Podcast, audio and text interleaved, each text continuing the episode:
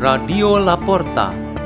The door is open for you for the growing of knowledge and wisdom of God.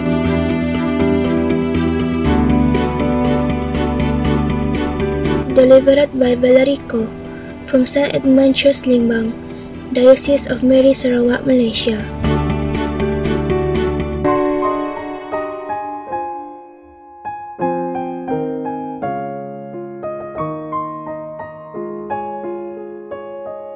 Reading and meditation on the Word of God on Thursday of the 31st week in Ordinary Time, November 3rd, 2022.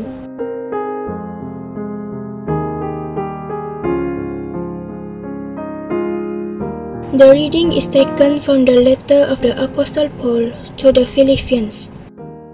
Brothers and sisters, we are the circumcision, we who worship through the Spirit of God, who boast in Christ Jesus and do not put our confidence in flesh. Also, I myself have grounds for confidence even in the flesh. If anyone else thinks he can be confident in flesh, all the more can I. Circumcised on the eighth day of the rest of Israel, of the tribe of Benjamin, a Hebrew of Hebrew parentage, in observance of the law of Pharisee. In zeal I persecuted the church. In righteousness based on the law I was blameless.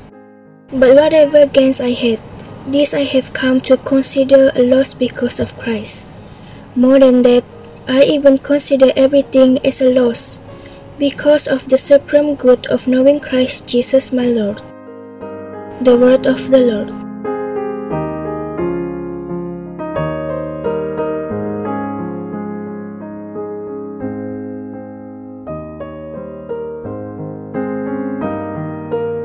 Meditation today has the theme The Christ Factor.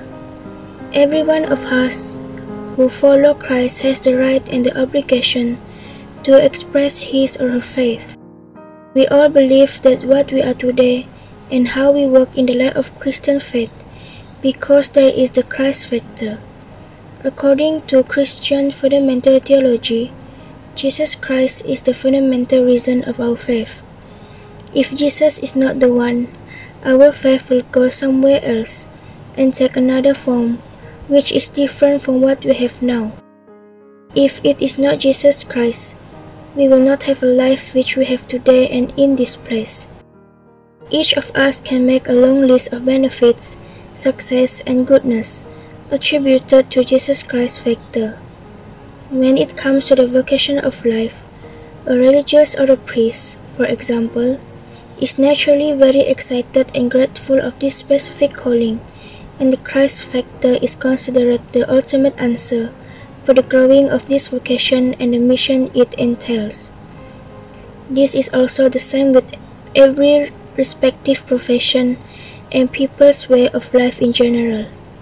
The Christ factor indeed leads and guides our life, both now and in future after our death. However, if it is not the Christ factor chosen, it means that the person basically does not choose Jesus Christ as the way of his or her life. St. Paul shared his faith experience with the Philippians, that his past had made him widely known as the powerful enemy to the church, but then he considered all of that as a total loss when he met Christ the man and ultimate reason for his new life. Such sharing experience of faith is very common among us Christians from various contexts of this life, either in small or big groups, either in informal setting among friends, or on the occasion of preaching of the priests in church. In our ministries of proclamation, the word of God and works of love, the Christ factor should be our only points of reference the face of Christ should become dominant, universal attraction and a standard of achieving the highest goodness and truth. We need to avoid every kind of word, deed, and service which tend to obscure the role of the Christ factor, which comes out with even more visible the role of human person, particular groups, certain ideas, specific situation, or some special materials. If these all are to replace the role of the Christ factor in our lives, our way to salvation and eternal happiness will be left out. The Christ factor for us has a lofty and highest purpose in the salvation of everyone, without exception. On the other hand, other factors, which are not with Jesus, must have their own interests, and they tend to create discrimination, division, and separation. Therefore, Jesus himself teach that even if only one person or one part of what have been entrusted to him by the Father is missing out, he must go to look for, find him out, and bring him back home.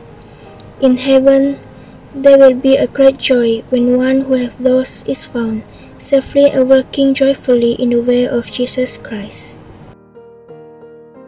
Let's pray.